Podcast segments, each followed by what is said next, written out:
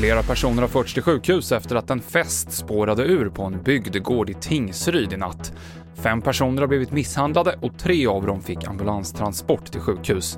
Det finns uppgifter om att knivliknande föremål har använts, skriver polisen på sin hemsida.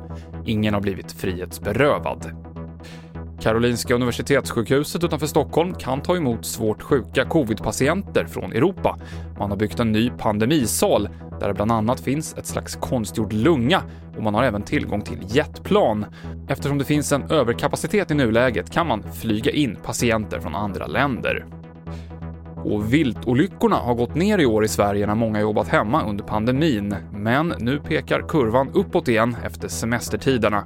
En av de som drabbats den senaste veckan är Marcus Stenelo i Jönköping som förra helgen kolliderade med en älgtjur.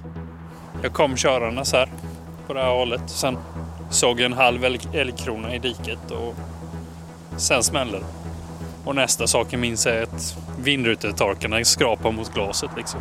Det sa Marcus Stenelo, som klarade sig utan allvarliga skador i olyckan. Och toppen för viltolyckorna väntas bli i oktober-november.